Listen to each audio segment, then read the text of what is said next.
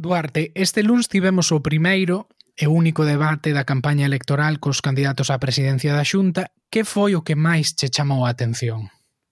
Pois o que máis me chamou a atención foi que ao longo do debate a única persoa que citou a Castelao fose o tipo de Vox. Normalmente, pois non sei, esperaría que fose Ana Pontón do BNG ou que fose Caballero do PSOE, incluso Feijó pero non, foi foi precisamente o, o tipo de Vox que sacou de sempre en Galiza e empezou empezou aí a citar a, a Castelao. Pero que dixera que houve aí momentos que desconecta e iso creo que mo perdín. Claro, a idea é que, bueno, agora todos en todos os meetings de Vox que están dando en Galiza, pois están dicindo que Castelao era un señor racista, violento e, bueno, unha serie de, de calificativos pois que cabrean moito a, a sobre todo ao nacionalismo, pero en xeral a, a, a toda a xente que leu que leu a obra de Castelao. E cita un, un, un parágrafo do, do Sempre Galicia, que, boa, verdade, lino hai moitos anos e non recordo para nada diso, pois no que Castelao lembra un meeting, que é o meeting das arengas que daban en Santiago, no cal pois apareceu unha persoa que foi reventar o acto berrando Viva España e dironlle uns sopapos e Castelao decía que aprobaba eses sopapos e que se fose el lle teria pegado un tiro no corazón. Eso é o que di a interpretación da cita que fai el. Eh? Eu a verdade é que non a busquei, claro. non sei se a cita é real, pero eh, pero bueno, que está moi ofendido por isto e casi traza unha unha liña histórica, non? Entre o que dicía Castelao no sempre en Galiza sobre este señor o que lle un sopapo no meeting e a xente que lle está indo a reventar os meetings a Vox en toda en toda a xeografía galega, non? Que o señor de Vox estivo protestando moito por iso, pedindo que a xente condenase e tal, e non lle fixeron sí. moito caso, quitando de Ciudadanos. Pero pero isto foi o que máis me chamou a atención. E a ti que? A min eh, fíxome coña a mm, candidata de Ciudadanos que sacou as papeletas do BNG e dos seus socios na, na coalición electoral das últimas eleccións europeas para lembrar a todos os galegos que o BNG ia en coalición con Esquerra Republicana de Cataluña. Pero non dixo nada de Bildu, dos independentistas vascos. Entón, claro, iso faime pensar en que, de, que lonxe quedan os tempos nos que os malos eran os independentistas de Euskadi, a Cale Borroca, ETA e todas todas estas cousas e agora os malos malísimos son os independentistas cataláns, Puigdemont, Junqueras e toda toda esta xente. Foi así un, un detalle que me fixo pensar en, pois sí, como cambiar, como cambiaron os tempos e como cambiaron os malos da, da película na, na política española. O medo cambiou de bando, pero non como non como se esperaba. Cambiou de comunidade autónoma neste caso, sí. bueno, e falando de, de xente que mete medo e de líderes soberanistas, hoxe imos entrevistar a Ana Pontón, candidata do Bloque Nacionalista Galego. Dentro intro. Think about Brexit. What, what's that? Order! The nose to the left, 432. With the light, with the music, Very welcome everybody here. A Brexit question in English, if you don't mind. Bueno, no, hombre, no vamos a hacer. Venga, adelante. ¿Quiere usted hacer el puñetero favor de largarse de aquí y de... No va usted a hacer nada ya. You like a cup of tea? Yeah, sure. Go on, have a cup of tea. Thank you, thank you. Pois agora na intro estábamos falando do debate. A ver, Miguel, agora xa un poquinho máis en serio. Para ti, quen ganou? Quen foron ou quen foi o candidato ou os candidatos que para ti máis partido lle sacaron este debate?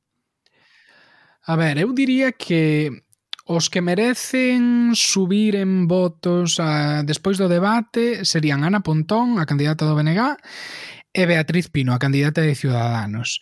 A mí Beatriz Pino sorprendeume eh, comunicaba moi ben, bueno, viña de, de traballar na TVG e notábase que tiña boas maneiras na, na televisión eh, e, e a verdade é que non sabía nada dela e, e sorprendeume para ben e penso que moita xente que podería ser pois bascular entre Ciudadanos, PP ou mesmo Vox ou mesmo certos sectores así máis centrados do PSOE lles puido agradar para ben.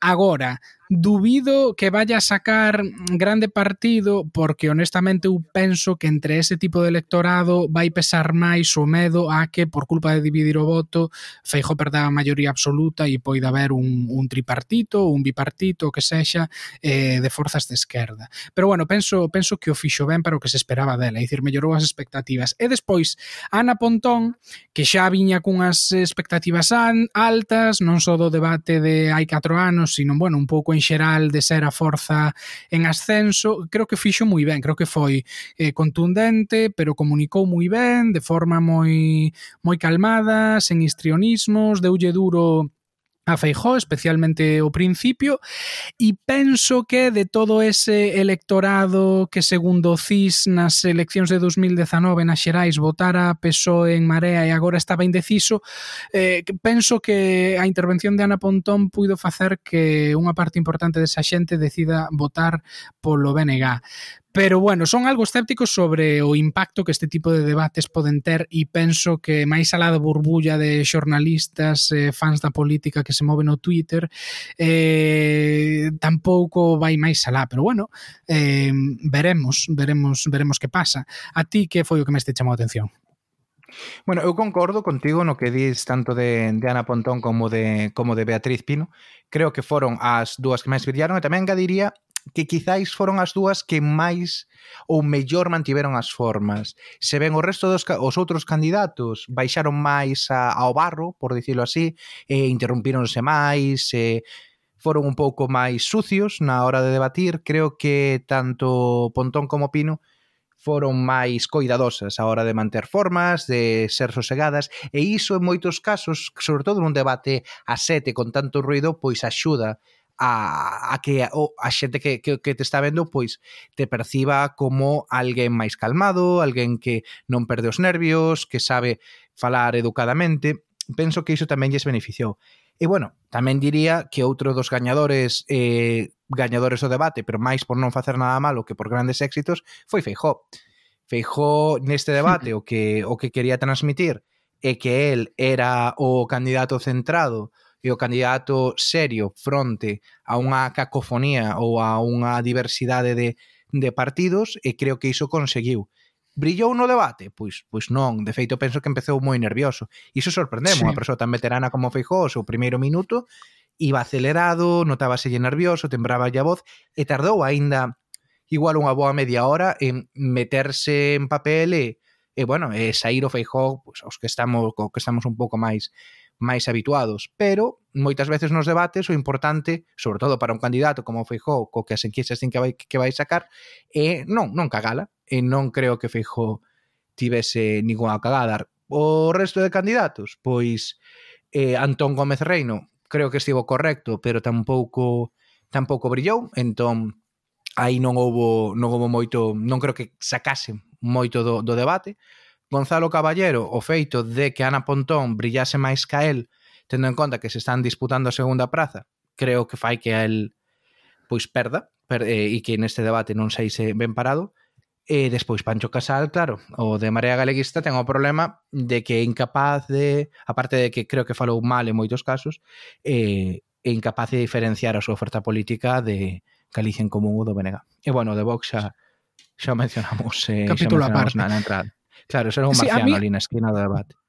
A min chamoume a atención por que Caballero buscaba confrontar tan abertamente co The Vox. Eh, Honestamente non, non acabo de entender esa xogada eh, porque creo que tampouco ya chega grande cousa e que, bueno, que queda así un pouco de, de, de histérico, de afastado un pouco dos problemas uh, do que foi a crítica ao goberno de, de Feijó. Non, non o sei, non acabo de entender. Pero bueno, eh, sí, estou de acordo co que dis do resto de candidatos. Eu, bueno, penso que Pancho mm. Casa, a verdade, eh, deixou bastante que desexar con respecto ao resto de opcións coas que vai competir na esquerda.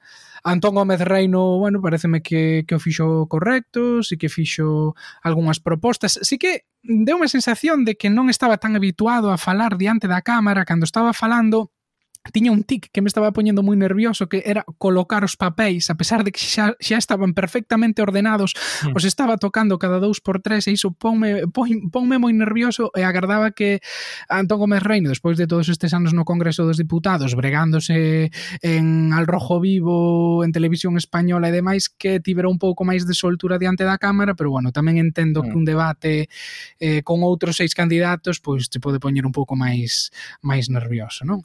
Pero bueno, Hai xa algúns datos de, de enquisas eh, ou algunhas indicacións de quen puido sacar máis partido, non? Máis alá da nosa impresión aquí de barra de bar que poidamos ter ti máis eu. Mm, Bueno, a ver, tampouco hai moito. O único que, que vin pois foi Electomanía, que é unha, bueno, unha páxina web que teñen un, un panel a través do que fan eh, enquisas que dicía en Twitter que quen máis partido lle sacaron ao debate foi Ana Pontón con moita diferencia e de xeito marxinal Feijo. Eles publicaron hoxe pois para suscriptores, eu a verdade é que non teño acceso, un unha actualización do seu da, da, da súa enquisa que fan a través do seu do seu panel e din que que máis sube aí é, é o BNG e, e Ana Pontón. Non sei exactamente cal é a magnitude porque eses, eses datos aínda non tiven non tiven acceso, pero pero bueno, isto que din o que din eles eh, no tracking diario de la voz, que foi o que comentamos na a semana pasada cando cando entrevistamos a Antón Gómez Reino, aínda o traballo de campo non, non se fixo despois do debate, haberá que velo agardar a mañá, pero polo de agora a, a situación ou a situación a día de hoxe está en que o PP sacaría 41, 41 escanos, despois na segunda forza habería un empate, e insisto en que isto é antes do debate, eh, a 14 escanos entre BNG e PSOE, e finalmente Galicia en Común quedaría con, con seis deputados. Entón parece que nesta última semana e media que queda de campaña pois pode ser que se este disputando a, ao, ao segundo posto, que é algo co cal eu personalmente non contaba que pasase ao principio ao principio da ao principio da da campaña. Non, eu tampouco, pero bueno, algunha emoción terá que quedar, non? Si non, non serían pois, unhas sí. eleccións. E acabas de mencionar Electomanía e decateime de que eles teñen o mesmo sistema de financiamento que nós, Patreon.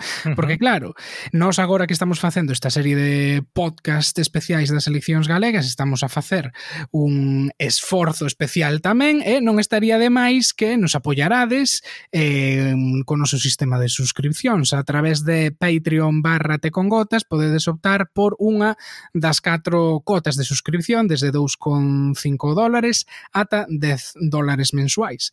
Así que se queredes axudar a facer máis grande este té con gotas e que melloremos e continuemos con contidos como, como os desta serie especial das eleccións, xa sabedes que podedes apoiarnos a través desta plataforma de suscripcións. E despois deste bloque publicitario imos á parte da entrevista.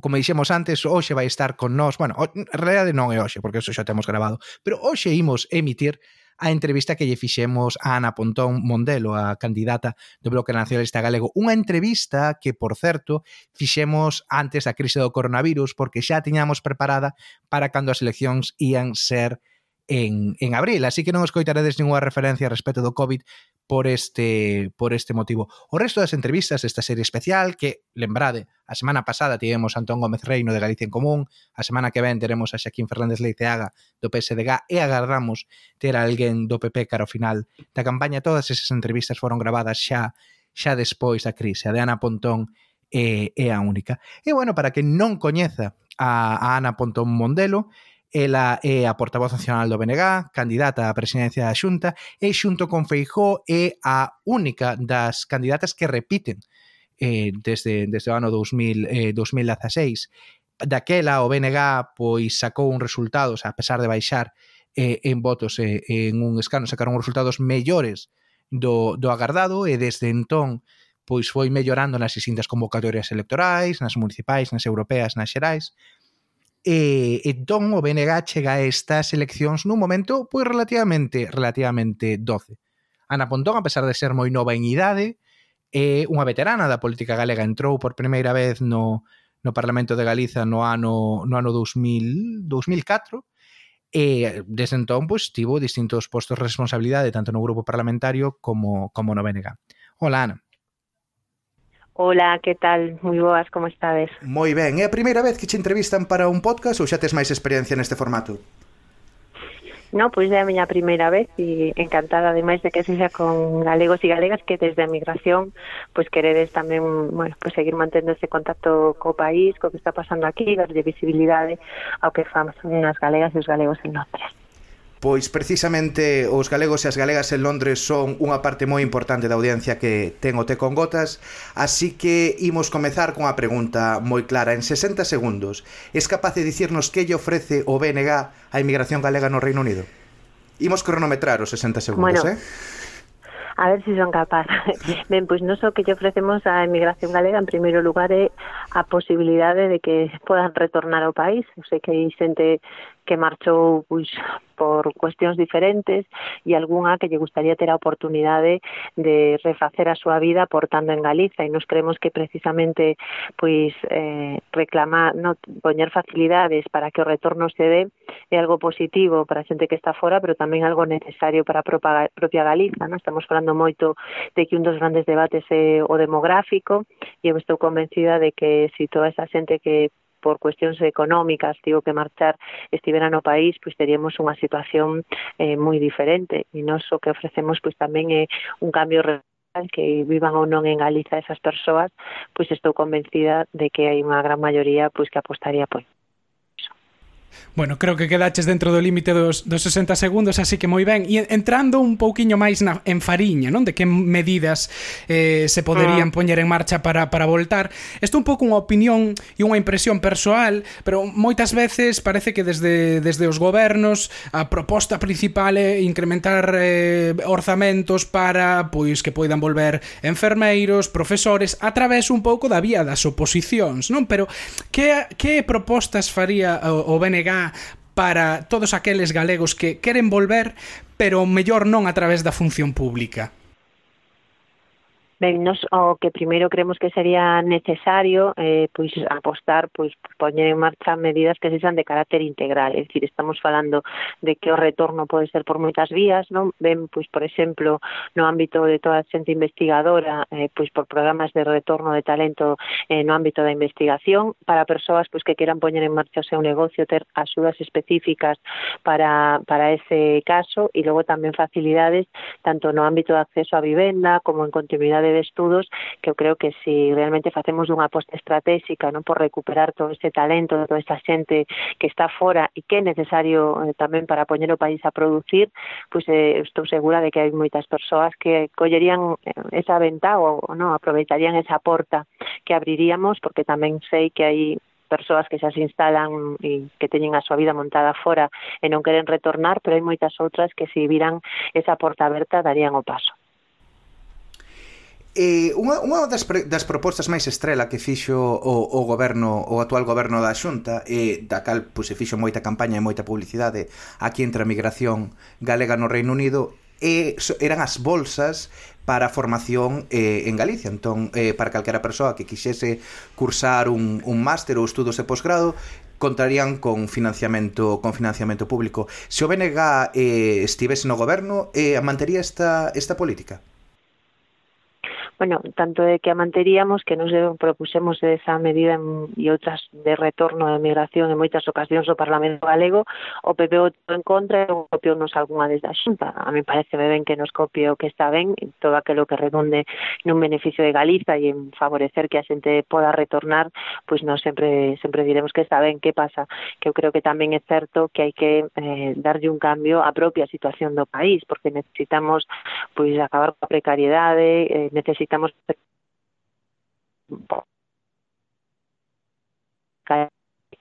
por mellorar as condicións de vida no aquí unha, vamos, unha demanda no, de máis servizos de conciliación, de máis recursos de apoio ás persoas cando teñen fillos e fillas, que hai unha necesidade pois, de ter unha e certa expectativa vital, no, de que che vai ir ben en Galiza para poder retornar e eso, claro, pues non se fai só cunha medida puntual, sino que se necesita unha nova política económica que aposte por poñer a producir todo o potencial e toda a capacidade que temos en Galiza, que estou convencida que moita e que se poden facer as cousas moito mellor do que está facendo o goberno do Partido Popular.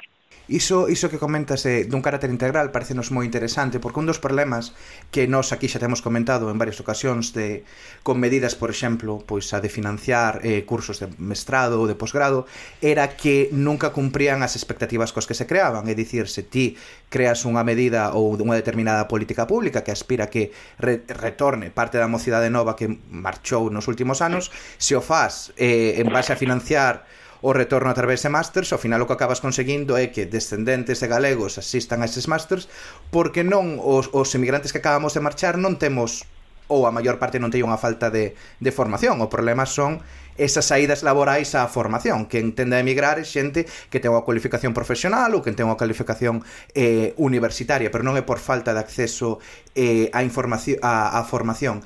Eh, que, como mediría o BNG o éxito ou o fracaso dunha determinada política eh, en clave de retorno?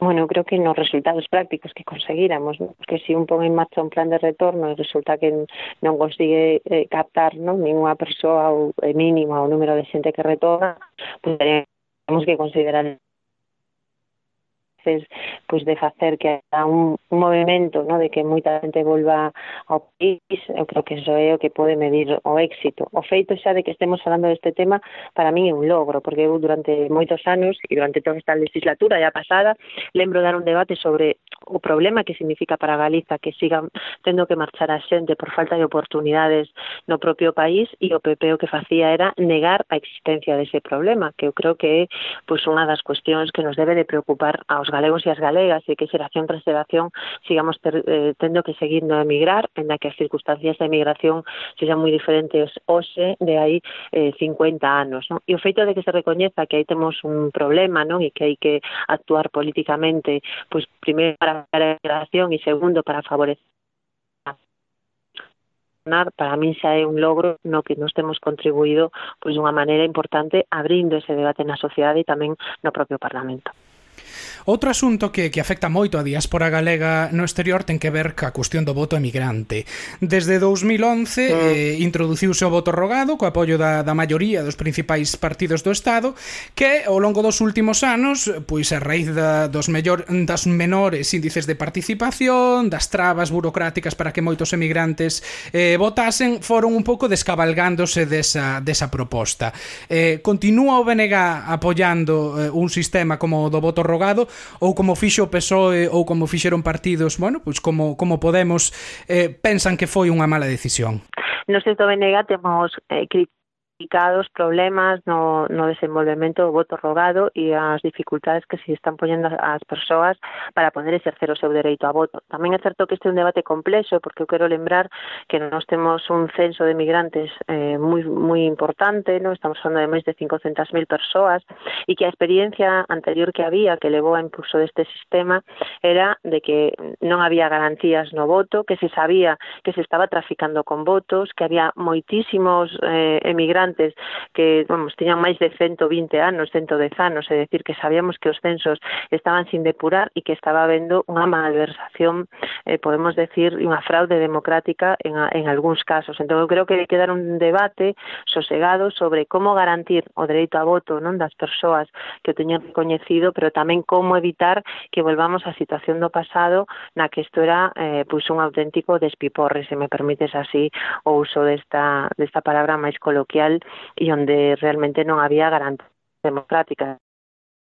Hai uns meses fixéramos precisamente un programa sobre, un, sobre o voto rogado e se ven unha das conclusións que sacáramos era que evidentemente eh, fora moi positivo a hora de reducir a, a fraude que considerando pois a porcentaxe de censo exterior que ten Galicia pois era algo fundamental para poder ter unhas eleccións eh, libres e eh, con garantías, sí que viamos pois que tiña certas eh, certas problemáticas concretas, particularmente xente que vivía en países con malos sistemas de correos ou que estaban moi lonxe a Galicia mm. que chegaban tempo eh, tar, coas papeletas tar, chegaba, tardaban tempo en, en chegar a nivel concreto, se quixésemos mellorar o actual sistema do voto rogado que, me, que medidas propoñería o BNG? Bueno, eu creo que desde o punto de vista, primeiro, o voto telemático debería de ser algo que se estudara non para, para poder eh, facelo. Sempre digo que é curioso non como poden votar pois os astronautas en Estados Unidos, eh, como se habilitan fórmulas para favorecer iso e como parece que aquí queremos seguir anclados nun, vamos, nun modelo que é un modelo eh, do pasado. Eu creo que hai eh, fórmulas que, vamos, que poderían facilitar desde ese ámbito e creo que habría que facer poder estudialas e garantir o seu funcionamento para efectivamente pois, evitar as, os problemas e as distorsións que son moitas e que sei que preocupan moito na emigración co actual sistema de voto e, insisto, creo que tamén desde o Estado as cousas non se fan ben para que realmente a xente poda participar e exercer un dereito democrático fundamental. E falabas antes da, da cantidade eh, de xente que está no exterior, de feito nestas eleccións hai un récord na proporción de galegos con dereito a voto nas autonómicas que viven que viven no estranxeiro, está no no 17% eh e está incrementándose pois a raíz de, dos descendentes de galegos emigrados eh en Latinoamérica, tamén en Europa. Pensas que chegado a este punto e falando pois destas proporcións habería que eh, afrontar o mellor desligar o dereito ao voto da nacionalidade, é dicir, que unha persoa que o mellor é neto de galegos na Argentina e que nunca pisou Galiza, polo feito de ter a nacionalidade española se cadra, non ten que ter necesariamente o dereito a votar aquí, como xa acontece en algúns países do, do norte de Europa, onde é preciso vivir ali para activar, por así dicilo, ese dereito a, ao sufraxo e a elixir os representantes no Parlamento. A ver, eu creo que ese é un debate que temos que abrir con toda a serenidade, nos temos feito propostas nese ámbito diversas, me parece que é un tema eh, importante porque a veces se fai moita demagoxia, no, vincular o dereito de voto co dereito de cidadanía, nos sempre defendimos todos os dereitos de cidadanía, bueno, pois para a xente que emigrou, para os descendentes, no, que hai que recoñecerlles a nacionalidade, no? Outra cousa é que eu sí que penso que temos que ponderar até cando se debe de, de recoñecer o dereito o dereito de voto, porque creo que son ámbitos distintos e de feito se estudamos a legislación dos países do entorno europeo, é certo que a maioría limitan eh, o tempo, non, no que un emigrante pode pode votar en función do, do espazo temporal que leve que leve fora e me parece que ese é un debate que en termos de saúde democrática tamén temos que dar en Galiza, eh, recoñecendo sempre pois esos dereitos de cidadanía, emigración, non, ao papel que cumpriron e sin privalos pois de, vamos, de ningún desos dereitos que eu considero que son importantes e que además forman parte, digamos, dun, dun elemento de identidade que temos que preservar. Eh, falase que fai falta un debate sosegado en, en Galiza sobre sobre o voto emigrante. Eh, posiblemente nos concordamos tendo en conta que o 17% do censo está no exterior. Que crees que falta para que en Galicia haxa un debate serio sobre que facer co, co noso censo exterior? Bueno, pois pues eu o que creo que falta é que hai algúns partidos que creen que eso pois pode que poden manipular ese voto, non? que poden facer o que temos denunciado en moitas ocasións en que eh, pois realmente se vamos, había xente vamos, que se compraban e se vendían sacas, sacos de voto e que non había garantías democráticas e que como utilizan fraudulentamente esos mecanismos non queren privarse deles a pesar de que saben que están incurrindo pois nunha, nunha fraude democrática. Eu creo que eso é bueno, pois un un, grave problema que en algún momento teremos que ter a madurez para poder abordalo con normalidade, ¿eh? sobre todo porque, bueno, eu creo que tampouco é lógico que ao final persoas que non viven nun país ou que nunca estiveron aquí acaben determinando cal é o futuro eh, dese país. Bueno, penso que o, o vamos que é unha cuestión na que hai que na que hai que valorar e onde temos que avanzar máis en todo caso é no recoñecemento dos dereitos a voto de toda a poboación inmigrante que temos en Galiza, non? non? Onde vemos como moita xente que vive no país, non? Que está aportando aquí, que está pagando os seus, os seus impostos, que lle inciden directamente as decisións que toman o goberno, logo non pode ser pero dereito a voto. Eu creo que aí tamén temos que ensanchar esos dereitos de ciudadanía e de recoñecemento dos dereitos da inmigración que temos no propia, na propia Galiza quen vivimos no estranxeiro e concretamente no Reino Unido simpatizamos con esa causa de, de sí, pagar ¿no? impostos aquí e, sí. E non ter dereito a voto. Claro, é que, bueno, eh, digo, eu creo que eso, vamos, vos vivídelo en primeira persoa, eu bueno, coñezo moita xente que está nesa situación, que leva moitos anos vivindo en Galiza, pero que non pode votar pois nesos procesos electorais e que eh, son tan galegos como nós. Quero decir, con independe, eu creo que cando un vive nun país, pois acaba, non, acaba tendo os mesmos dereitos de cidadanía que, que, que por unha circunstancia naceu aí e nese ámbito pois é curioso como se queren restringir dereitos e non ampliálos e non só que somos favorables é pois precisamente o contrario porque cando un goberno toma decisións que te afectan a ti directamente e además tú estás contribuindo a esa sociedade pagando os teus impostos e, e eres directamente afectado por as decisións que tomas tes que ter o dereito a poder participar creo que é un, un principio básico elemental de ciudadanía que bueno esperemos que podamos ir avanzando nel Ana Pontón, moitas grazas e moito ánimo coa campaña. Eh, moitísimas grazas e, bueno, pois un, un orgullo poder falar con todos e todas vos e un saúdo a toda, a toda esa xente galega que está na emigración e que sepan que aquí pois estamos cos brazos abertos para cando queirades retornar ou, ou cando necesites algo de nós. Pois isto foi o que nos contou Ana Pontón alá polo mes de... Cando foi isto? Cando gravamos isto? En febreiro? Finais febreiro, de febreiro, marzo, penso, algo así. sí. Finais, Finais de febreiro. de febreiro, bueno pois xa hai bastante tempo. Evidentemente o programa electoral non estaba publicado, pero eh, aquí pois no Te con Gotas estivemos xa botando un ollo a ver que, que outras propostas a respecto da migración estaban incluídas. Miguel, ti liches o programa un pouquiño máis camín, que, que che chamou a atención? Que hai aí que paga a pena resaltar e que Ana non mencionase na, na, na entrevista? Pois a ver, sen entrar moi en detalle no concreto, sí que é certo que fan varias veces mención o seu plan retorna. En concreto falan de partidas para recuperar, para facer regresar a todo o persoal investigador galego que tivo que emigrar uh -huh. por falta de medios ou estranxeiro e hai un punto específico sobre investigadores. Fálase tamén do persoal sanitario que marchou ben o estranxeiro, ben a sanidade privada, para recuperalo e darlle un posto na sanidade pública en base a crear pois novas prazas e asentar dar mellores condicións ás prazas actualmente existentes, xa lembramos e sabemos todos os problemas que hai coa, coa precariedade e a temporalidade entre o colectivo do, das enfermeiras, por exemplo, E tamén, bueno, fala, a pesar de que non dá moitas medidas en concreto, fala de crear ese plan retorna en diálogo cos colectivos sociais e sectoriais, bueno, un pouco o típico que se adoita ver neste, nestes programas cando aínda non hai propostas moi definidas. Chamoume a atención que tamén falan de eh, potenciar os centros de alto rendemento deportivo para permitir que os deportistas galegos que agora teñen que irse fora de Galicia porque non hai agora mesmo instalacións para desenvolver a súa actividade deportiva, pois que poidan volver e que poidan eh, adestrar